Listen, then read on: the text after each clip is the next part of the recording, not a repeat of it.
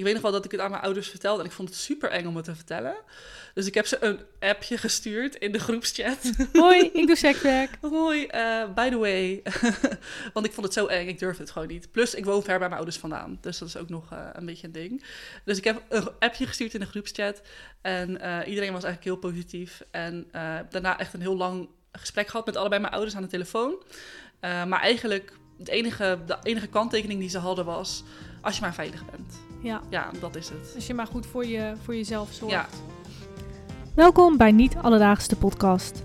Mijn naam is Saskia en als sociaal werker ben ik geïnteresseerd in maatschappelijke, taboe doorbrekende en unieke verhalen. In deze podcast ga ik in gesprek met mensen die iets niet alledaags te vertellen hebben. Voor meer informatie over mijn gasten en om op de hoogte te blijven van nieuwe afleveringen en nieuwtjes, volg ook de Instagram pagina Niet Alledaags. Laten we snel beginnen.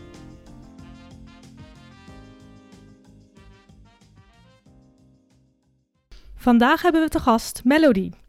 Op 24-jarige leeftijd koos zij er geheel vrijwillig voor om sekswerk te gaan doen en laat ze haar baan in de ouderenzorg vallen. Wat is er zo leuk aan dit werk? Wat zijn de ongemakken? En hoe reageert de buitenwereld op deze carrière switch? We komen het vandaag allemaal te weten, want ze zit hier tegenover me. Melody, welkom. Hallo. Dankjewel.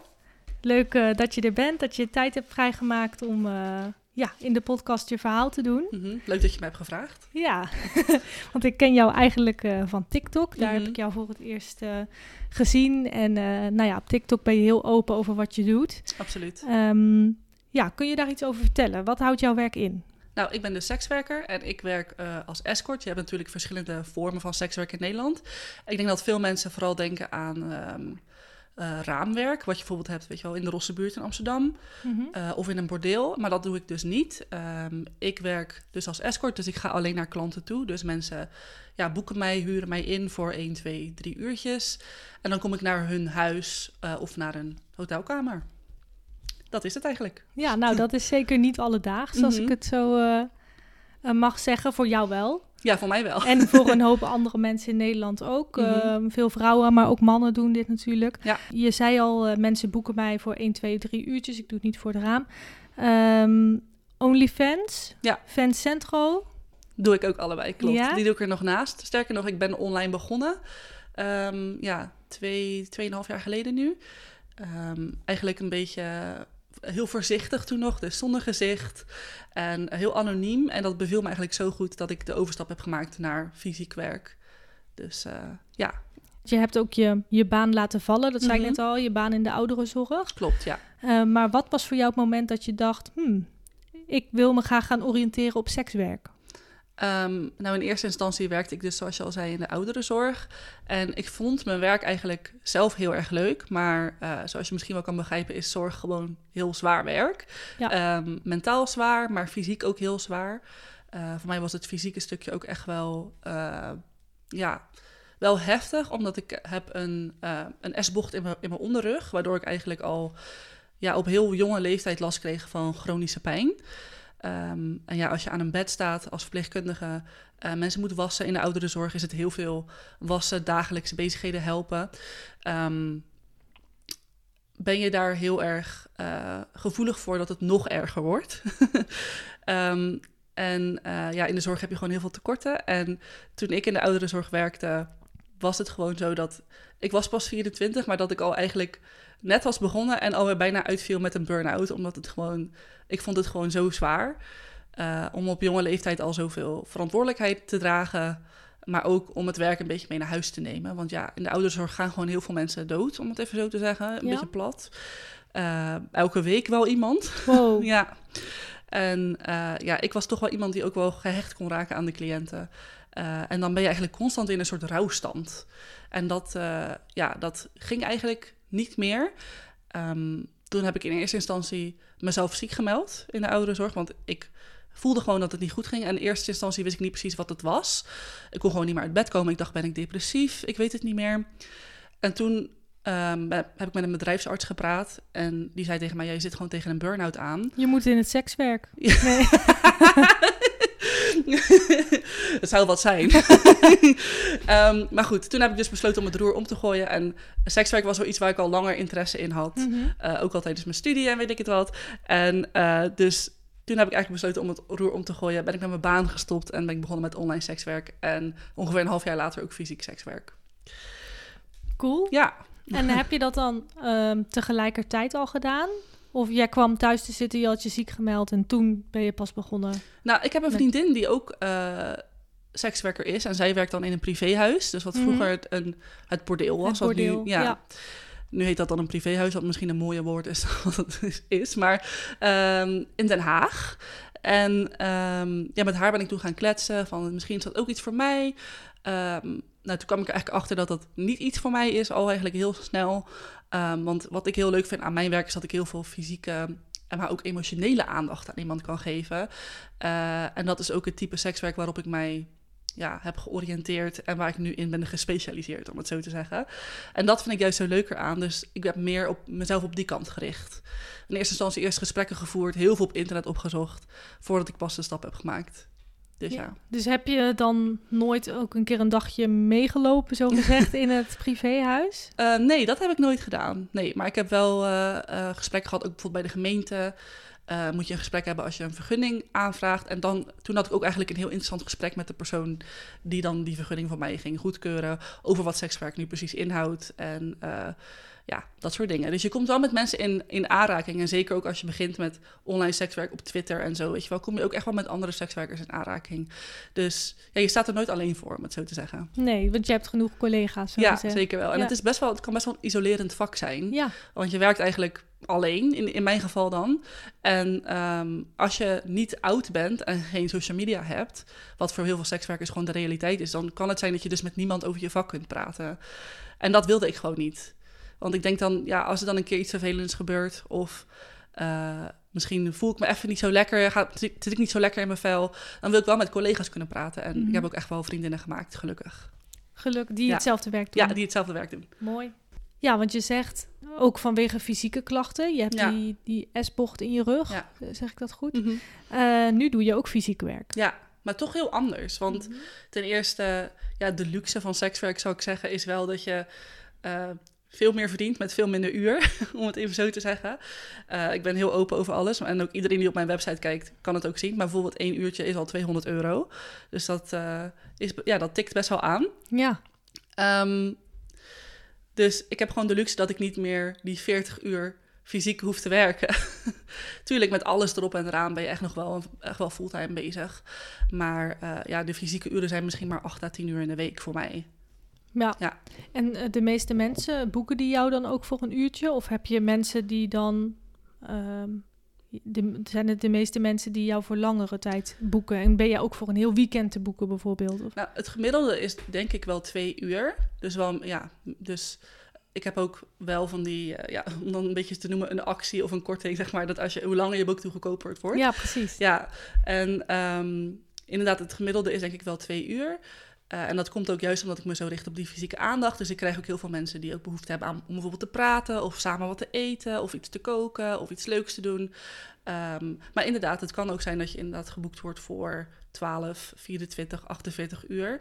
Eh, het langste wat ik gedaan heb is anderhalve dag. Ja, Zo, dat is wel echt lang. dat is wel echt lang, maar goed. Ja, en Daarna wat, kan je een week vrij nemen. ja, precies. Want wat vind je daarvan? Ehm, nou ja, ik doe nooit eh, lange dates, zoals dat dan in de seksindustrie genoemd wordt. Lange dates of lange boekingen met mensen die ik nog niet ken. Want eh, dat zie ik eh, niet zitten. Dus liever één of twee keer eerst met iemand afspreken om te kijken of het ook een beetje een klik is. Ook voor de klant. Want dadelijk hebben we totaal geen klik en zit je daar anderhalve dag met elkaar. Ja, of heeft hij in elk geval betaald en denkt hij na drie uur, nou laat maar. Ja, en dan Ja. denk ik ook van. eh, Ja, ja. ja, dus Oh, dat is wel slim. ja, Om het ongemak eigenlijk te voorkomen. voor ons allebei. Ja. Want ehm, heb je in je werk wel eens te maken met onveilige situaties? Ehm, nou ja, een, een, groot, of een groot nadeel. Ja, een nadeel van sekswerk is wel dat je inderdaad, eh, zeker de type sekswerk wat ik doe, dus je gaat naar de klant toe, je komt bij iemand anders thuis, waar je dus ja, de, de situatie niet kent, je kent de persoon niet, je kent de omgeving misschien niet. Ehm, kan het gewoon zijn dat je met onveilige situaties te maken krijgt. Nou ben ik wel iemand dat ik, eh, ik screen al mijn klanten. Dus dat houdt in dat ik altijd een aanbetaling vraag eh, via Tikkie, waarbij je dus ook iemands naam kunt zien. Eh, en dan vraag ik ook altijd een poststuk van waar iemand woont. Dus als iemand zegt, ja, dit is mijn adres. En dan ook een poststuk waar dan ook die persoon zijn naam op staat. Zodat ik wel zeker weet dat ik echt die persoon voor me heb. Mhm. Ehm, en die twee dingen helpen al om iemand... ehm, ja, als iemand zeg maar slecht in de zin heeft... dan zou die al zoiets niet doen. Want je bent al niet meer anoniem. Mhm. Ehm, en daarnaast zijn er ook speciale blacklists, zwarte lijsten, fakerslijsten waar sekswerkers op kunnen. Ehm, waar je ook zeg maar ehm, onveilige situaties of slechte klanten kunt melden. Ja, dus Wat dat goed. Is echt, ja, dat is echt. eh, Dat wist ik helemaal niet dat dat bestond. Misschien kan je dat ooit nog als tip geven bij je eigen werk. Ja. Ja, jij zegt ik kan ervan leven. Mhm, Zeker. Eh, hoeveel verdien je ongeveer per maand? Ehm, ja, ik, ik ben helemaal niet dat ik het erg vind om dat te zeggen. Maar ik wilde altijd een kanttekening bijgeven dat het inderdaad...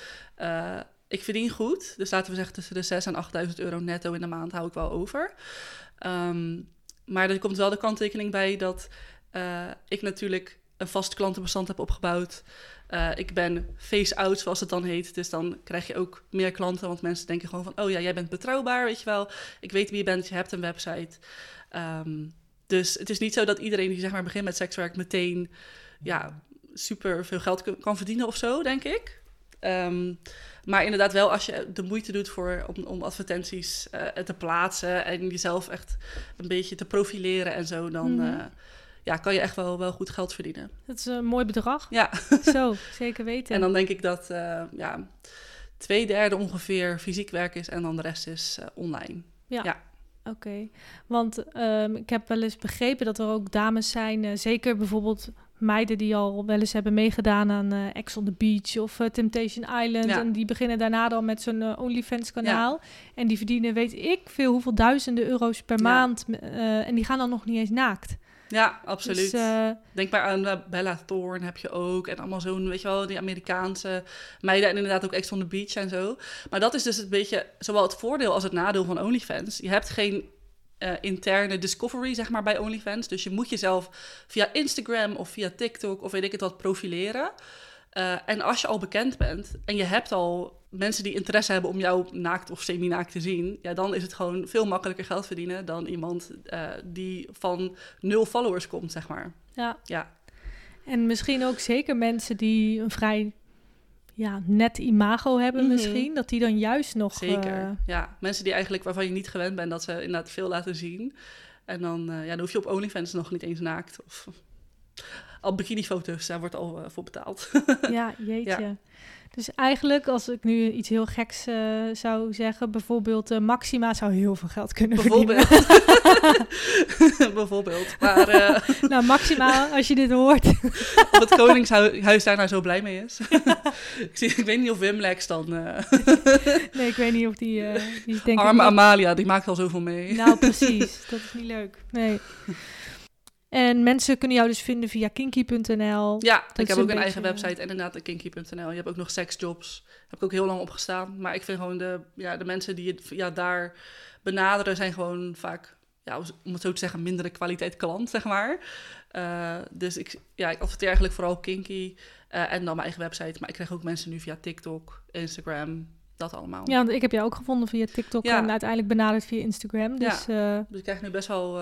ja, ik denk wel één of twee keer in de maand... wel iemand via TikTok. zo, Ja, gaaf Ja. dat, dat, eh, dat dat ook zo werkt. Eh, want ja, even voor de luisteraars, eh, kinky.nl is een platform, ja een Een erotische soort- marktplaats. een soort marktplaats eigenlijk. Ja. inderdaad. Ja, ik, ik vertelde jou net voor de opname al dat ik ooit mijn scriptie heb, heb gedaan over sekswerk met hulpverlening. En dat ik toen ook uren kinky.nl afgestruind heb om eh, ja, met sekswerkers in contact te komen voor, mijn, eh, voor mijn onderzoek. Mhm.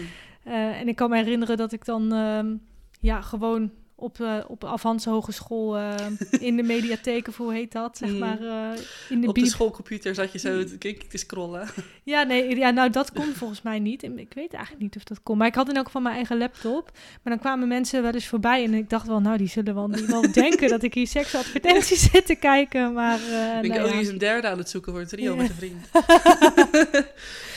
hey, want ehm, ja, reacties van jouw omgeving Mhm. op het beroep, Ja. hoe waren die?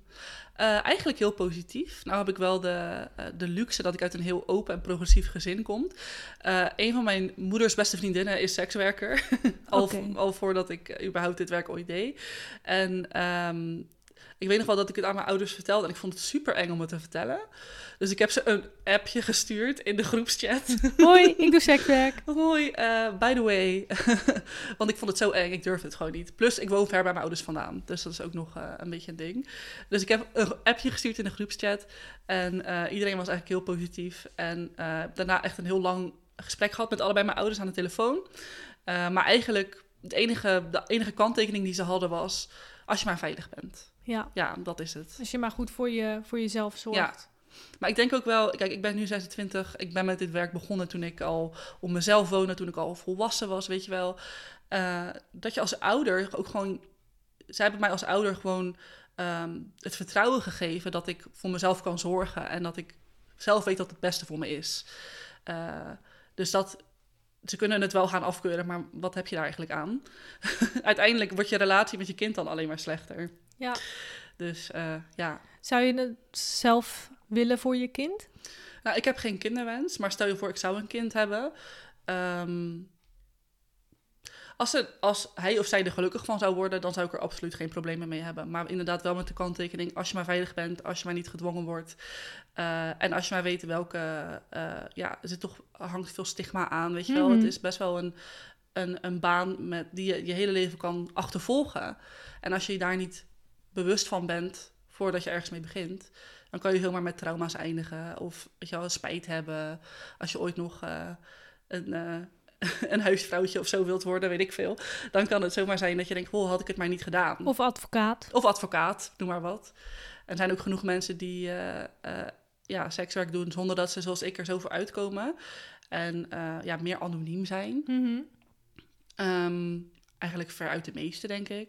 Dus ik zou in eerste instantie zeggen, begin dan weet je wel, meer anoniem of begin wat voorzichtiger voordat je super out there bent, zeg maar. Ja.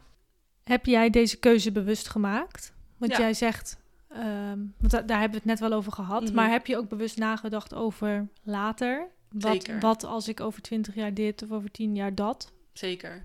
Ja, dat is ook wel echt iets. Uh, ik moet zeggen, toen ik net begon met sekswerk, voordat ik zeg maar, uh, zeg maar de anonimiteit uitging, Um, toen ik net begon, was ik daar niet zo mee bezig. Want ik dacht, oh, dit is leuk en ik vind het spannend en het is nieuw en weet ik het wat.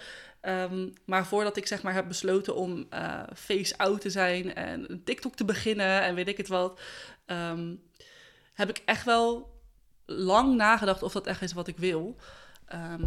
maar mijn plan voor de toekomst is ook om in de seksindustrie te blijven werken. Want ik voel me gewoon thuis in deze industrie. Als het dan geen escort is, misschien als gastvrouw uh, in een bordeel of achter de schermen in een porno. Mm -hmm. Om maar wat te noemen. Dat zie je ook wel ja, zitten. Dat zie ik ook wel zitten. Ja. ja. En ik heb ook echt wel een passie voor het activisme achter sekswerk uh, en rechten voor sekswerkers. Dus ik zie mezelf daar ook nog wel iets in doen. Mooi. Ja. Uh, want je, ik heb um, tijdens mijn onderzoek toen ook gesproken met een exploitant. Iemand die um, ja. ja. die kamers, die, die ramen verhuurt aan, mm -hmm. aan dames, zeg maar, ja. zodat die daar kunnen werken. En um, ik weet dat uh, ja, die vrouw die ik daar sprak, die dat dus deed, die zei ook, ja, ik geef echt om de dames. En wij, wij kijken, wij houden ook echt een oogje in het zelf. Die dames niet gedwongen worden of dat ze iets nodig hebben. Dat, er zit in elke kamer, bij elk raam zit een noodknop mm -hmm. voor als dames onveilig voelen. Ja. Um, zou je zoiets ook leuk vinden ooit? Ja, ik denk wel dat ik, ik weet niet of specifiek exploitant, um, ja, bij de ramen of dat me echt ligt. Want ik weet ook niet precies wat dat precies inhoudt, omdat het eigenlijk voor mij nog best wel een ver van mijn bedshow is, zeg maar. Mhm. Mm -hmm. um, maar zolang het maar iets is waarbij ik ook wel echt met de dames of met de heren uh, in contact kan komen en kan blijven. Want inderdaad, er zijn zoveel uh, exploitanten, er zijn zoveel uitbaters, ook van clubs en weet ik het wat, die gewoon niet het beste met de dames voor Mhm. mm. hebben. En dan worden ze op hun eigen manier ook alsnog uitgebuit. Ook al zouden ze misschien wel voor het werk kiezen. Ja. Ja, en het lijkt me juist mooi om voor iemand ook een beetje een, een veilige haven te kunnen zijn, zeg maar. Uh, en ervoor te zorgen dat het wel op een goede manier gebeurt. En dat de dames wel, uh, meestal dames zijn het dan, hè. Maar wel uh, een eerlijke percentage uitbetaald krijgen. En eerlijke tijden werken. En niet te veel hoeven werken, zulke soort dingen. Ja. Ja. dus eigenlijk zou er een soort CAO moeten komen. Eigenlijk wel. Ja. Ja, als het aan mij ligt wel. Maar goed, ja. Ja. Dat komt natuurlijk ook omdat sekswerk nog zo gestigmatiseerd is dat Zeker. de, het gesprek rond sekswerk in de, in de Nederlandse politiek eh, blijft eigenlijk heel erg hangen op: is het wel of niet legaal? Weet je wel, Mhm. Eh, wat moeten we wel en niet toestaan? Eh, nu is er dan weer een verplichte vergunning komt eraan en dan komt iedereen in een register terecht. Ehm, Een soort dat eh big-register een beetje voor wel- sekswerkers. Ja, dat is dan zeg maar niet een open register zoals het big register. Dus het is niet dat iedereen je dan kan opzoeken, maar je bent wel geregistreerd voor de, geregistreerd voor de Nederlandse overheid. Ehm, maar goed, zo'n vergunning kost 900 euro.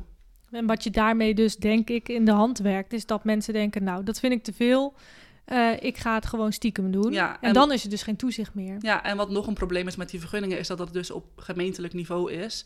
Dus gemeentes mogen ook nog zelf kiezen. Ik wil geen vergunning afgeven binnen mijn gemeente. We hebben al te veel sekswerkers binnen ja, de gemeente. Of ik wil gewoon geen sekswerkers.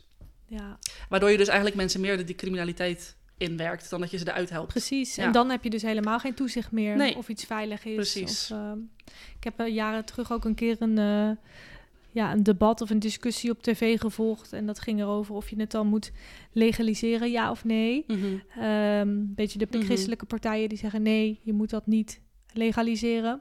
Sommige andere partijen vinden van wel. Ik ben het daar zelf ook mee eens, omdat Mhm. ik dus denk dat je met toezicht ook veiligheid creëert. Absoluut, ja.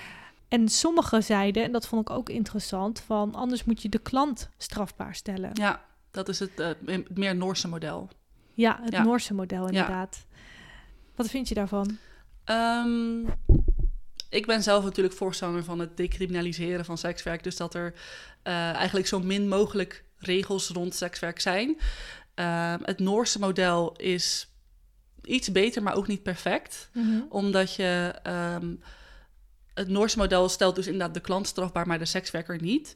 Maar daardoor krijgt de klant dus eigenlijk meer power binnen de relatie die je hebt met een sekswerker. De professionele relatie, om het zo te zeggen. En ook meer stigma, denk ik. Ja, ook. Maar bijvoorbeeld een, wat ik dan doe met mijn kla- klanten screenen, dat gaat dan natuurlijk niet meer, want geen één klant gaat dat doen.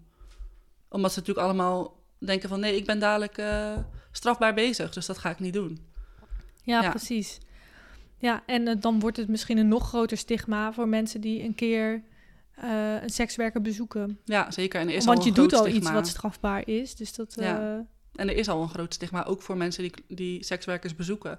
Want ik weet zeker dat iedereen die luistert wel iemand kent die iemand kent die een sekswerker bezoekt, waaraan je het nooit zou zien. mhm. Ik heb ook het idee dat eh, een van de vooroordelen waar ik mee te maken krijg, is dat al mijn klanten super oud zijn ehm, of super lelijk of zo. Terwijl, Oude vieze mannetjes, Ja. zo gezegd. terwijl de, mijn klanten gemiddeld tussen de, nou wat zou ik zeggen, tussen de 30 en de 45 zijn, zoiets. En nu dan mensen via TikTok zijn vaak nog jonger. Zo. Ja, Want eh, ja, hoe ziet jouw klantenpopulatie eruit? Los van, nou ja, we weten al tussen de 30 en 45. Zijn het vaak mensen met een relatie of vrijgezellen? Of ja, hoe ziet jouw klantenbestand Ehm, eruit? ik Heb zie... je ook wel eens vrouwen? Ik zie minder klanten die. Ik weet het natuurlijk ook niet van iedereen, hè. Maar ik zie minder klanten die een relatie hebben dan, ik denk, de gemiddelde sekswerker. Maar dat is omdat ik naar de klant toe ga, naar hun huis ga. Mhm. En als iemand natuurlijk een vaste relatie heeft, dan zou die dat minder snel doen dan Oh ja. Naar een bordeel of weet ik het wat. Ehm, en er zijn ook de mensen die een relatie hebben, zullen de 9 van de 10 keer overliegen. wat ik ook wel snap. Dus ja, gemiddeld zijn het gewoon Nederlandse mannen tussen de ja, 30 en de 45. En nu dan via TikTok ook wel 25 plus. Nou is het gemiddelde van mijn... Ja, gemiddeld is denk ik 30. En de minimale leeftijd voor mij is wel 21. Omdat ik zelf 26 ben. Ik zie het niet zitten als iemand net een broekie van 18 is. Nee, ik vind dat... In mijn hoofd zijn dat nog kinderen, zeg maar. Mhm. Dus daar voel ik me niet comfortabel bij. Dus 21 plus. Eh, ik heb nog nooit een vrouw alleen gehad. Dus ehm, ja, een vrouw die puur, zeg maar, interesse had in een puur lesbische eh, afspraak, om het zo te zeggen. Maar ik heb wel vrouwen gehad als in eh, een stel van twee. Dus die, die dan op zoek waren naar een derde voor een trio. Ehm, op die manier wel. Dat doe je ook allemaal. Ja. Heb je ehm, nog bepaalde grenzen, dingen die je niet doet? Of heb je specialiteiten?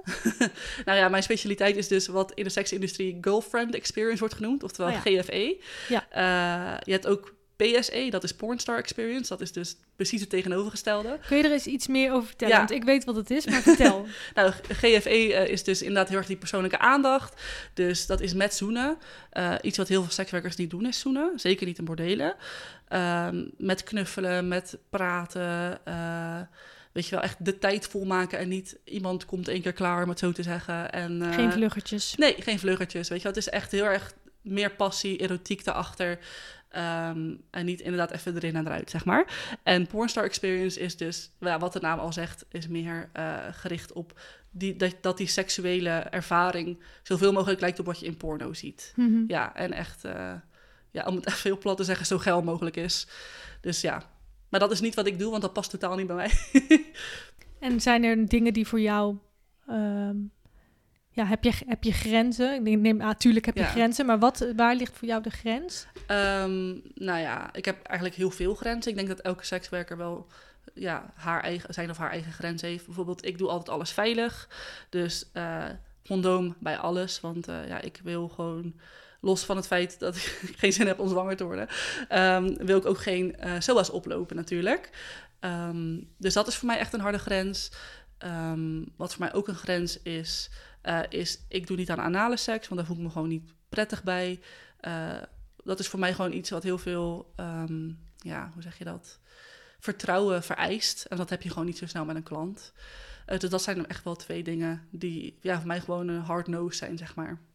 Ik denk dat jij dan ook vooral... Je zei je net al, ik heb een klantenbestand opgebouwd. Eh, een klantenkring. Heb je veel vaste klanten? Ik denk ongeveer de helft van de klanten die ik zie komen ook wel weer terug. Ja.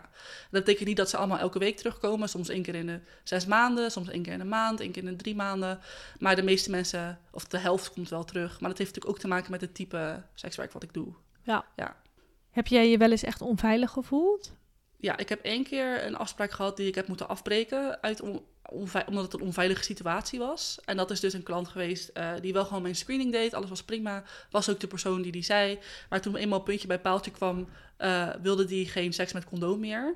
En toen ja, ben je al halverwege de afspraak bij wijze van spreken. Je ben- Je bent al naakt. en eh, ja, wilde die geen condoom meer. En probeerde mij ook echt te pushen zover dat ik het zou, het zou toelaten, zeg maar. Eh, heel naar, bleef ook aanstal stal te maken, waardoor ik me echt heel onveilig voelde. En toen heb ik gewoon besloten, oké, ik heb nu twee keer nee gezegd. Eh, het gaat niet veranderen, ik voel me onveilig. Dus ik, ja, ik breek gewoon de afspraak af. Ja. Ja, Oeh, heel naar. lijkt ja. me inderdaad heel naar. Want je gaat alleen naar je afspraken toe. Ehm, meestal word ik gebracht en gehaald. En ik deel ook altijd mijn live-locatie met iemand. En ik heb ook altijd eh zelfverdedigingsmiddelen bij me. Eh, ik ben helemaal op de, ja, van alles en nog wat. Dus eh, zo'n alarm waar je zo'n pin uit kan trekken heb ik. Zo, Ja, en een Cubotan, dat is zo'n soort, eh, hoe zeg je dat? Ja, zo'n soort ijzeren staaf waarmee je iemand bijvoorbeeld in zijn nek of zo kan doen. Ja, van alles en nog wat. wow. Wel allemaal legaal. Het is Wat allemaal cool. legale. Ja, dus dat zijn wel dingen die Hoe ik heet bij me dat? heb. Een Cubotan. Een kubotan. Ja, het lijkt een beetje op een eh buttplug. Maar het is echt een, het is zeg maar een soort een ijzeren pin, maar dan zonder scherpe punt. Maar waar je wel een pijnprikkel mee kunt aanbrengen bij iemand. En is dat niet verboden? Nee, dat is niet verboden. Oh, Ja. ik dacht al, want nu eh, staat het namelijk op tape. Dus, Ja, het eh, is niet verboden. ik heb, die van mij komt van Veilige Vriendin. Ik weet niet of je dat toevallig ooit kent. Nee, ken ik Het niet. is ook een TikTok-bedrijfje.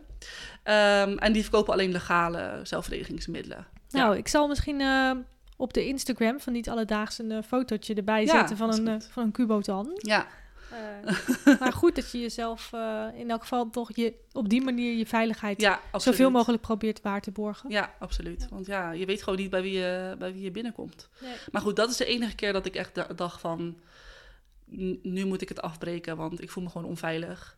Ehm, en ik had er ook daarna een heel vies en naar gevoel bij. Mhm. Puur omdat ik gewoon dacht bij mezelf... ik weet gewoon dat deze persoon van tevoren dit van plan was... en hoopte mij, zeg maar, op zo'n moment... eh, over mijn grens te kunnen gaan. Want je denkt, ja, ik ben er nu toch al... en hij heeft al betaald en weet je wel... Maar nee is nee bij mij. En dat is ook wel echt heel belangrijk als je sekswerker bent... dat je je, ja, je eigen grens durft te bewaken. Want anders kan het zomaar zijn dat je met een, ja, een trauma oploopt, zeg maar. Ja. ja. Ja, want ook in, in andere branches gaan mensen wel eens hun grenzen over. hè, door ja. bijvoorbeeld veel te lang te werken of veel te hard te werken. Of ehm, veel te veel werk te doen wat eigenlijk niet bij hun functie hoort. Mhm. Ja, in in sekswerk is natuurlijk niet anders. Maar dan gaat het echt om lichamelijke persoonlijke Absoluut, grenzen. ja. En dat is nog wel eens ja, Ja, is heel anders. ja. Ja. Oh, en heb jij wel eens nagedacht over ehm, sekswerk met mensen met een beperking? Eh, ja, en ik word ook wel eens eh, geboekt door iemand met een beperking.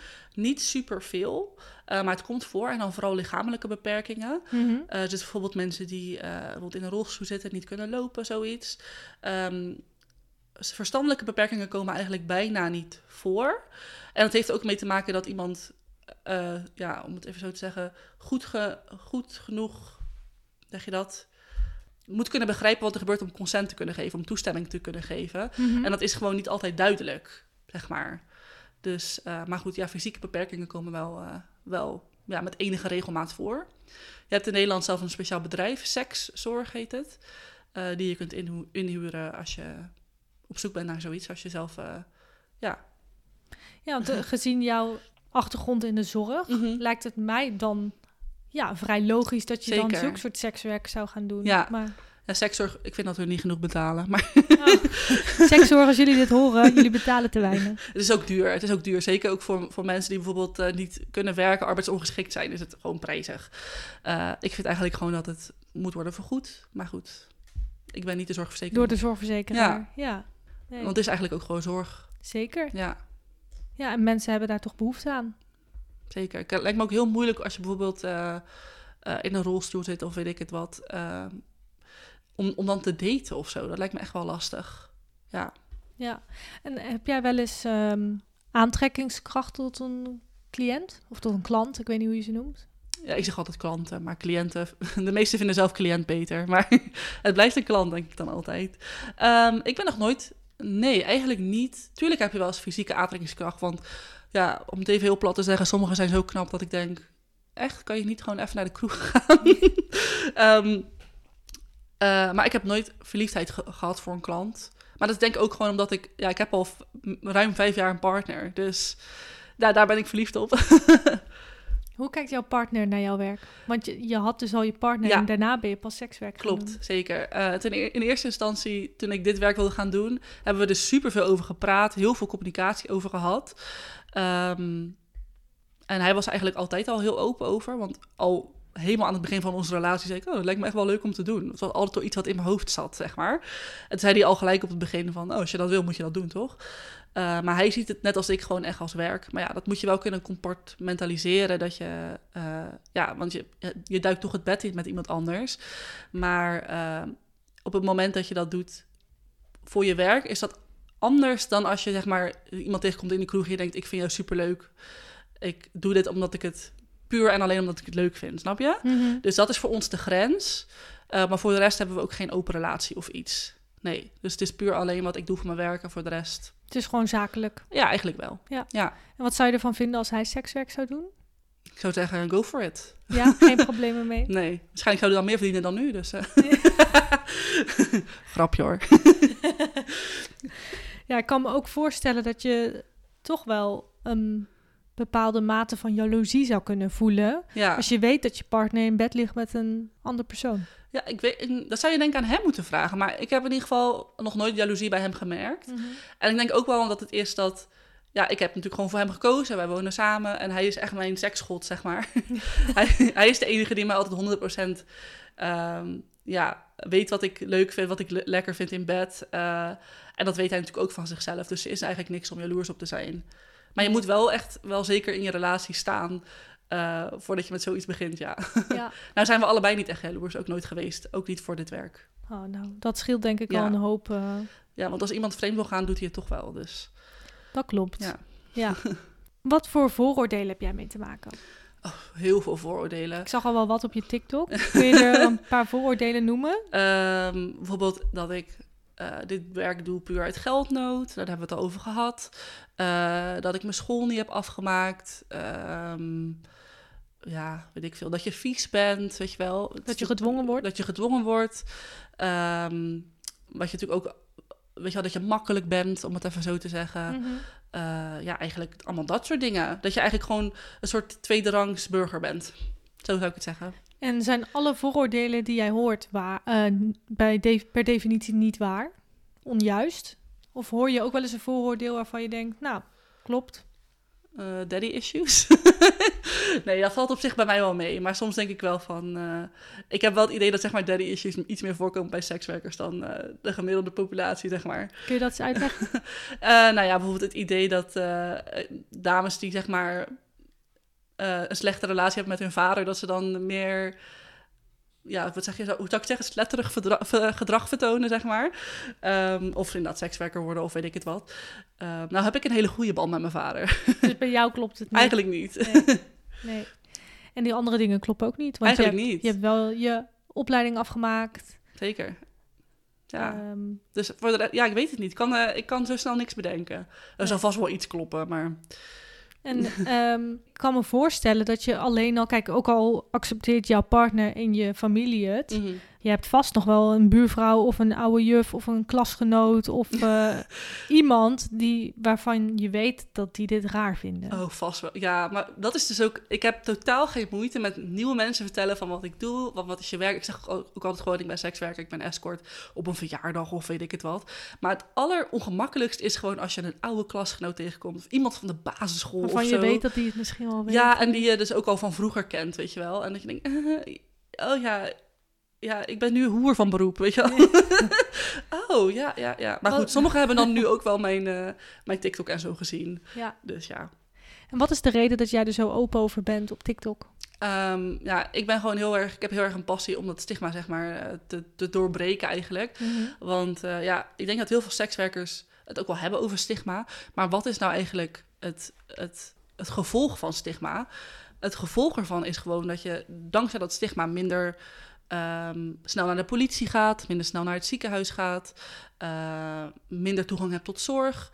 eh, min- sommige banken, eh, bij sommige banken mag, kan je niet terecht als je sekswerker bent. Nee, ik denk ook dat het moeilijk is om een hypotheek te krijgen. Absoluut. Nou is dat gelukkig wel gelukt. Maar, Dat is wel gelukt. ja, eh, maar ook wel dankzij mijn partner hoor. ja. Die heeft gewoon een vaste baan, gelukkig. Eh, maar bijvoorbeeld zulke soort dingen. eh, nou is het in Nederland redelijk geregeld, omdat je natuurlijk gewoon een eenmanszaak bent en gewoon aantoonbaar inkomen hebt. Ehm, maar wat heb je nog meer? Weet je wel, psychologische klachten, omdat je gewoon te maken krijgt met stigma. En alles wat, je, wat ik zou kunnen doen om dat te verminderen, al helpt het maar 1%, ja, wil ik gewoon doen om te, om te helpen. Mooi. Ja, Nou, daar wil ik het eigenlijk voor nu mee afsluiten. We hebben nog wel een laatste onderdeel. oké. Dat heet de tas van Sas. Oké. Ehm, die mag je openen. Daar zitten dilemma's in van Dilemma op dinsdag. Ik weet Oh niet of je ja, ken ik van Facebook. En je mag twee kaartjes pakken. En dan mag je het, het dilemma kiezen. Of, ja, dan leg ik jou het dilemma voor. Dus je Moet- mag er gewoon twee pakken. Moet ik gewoon blind pakken? Ja, blind mag je er twee pakken. Deze twee.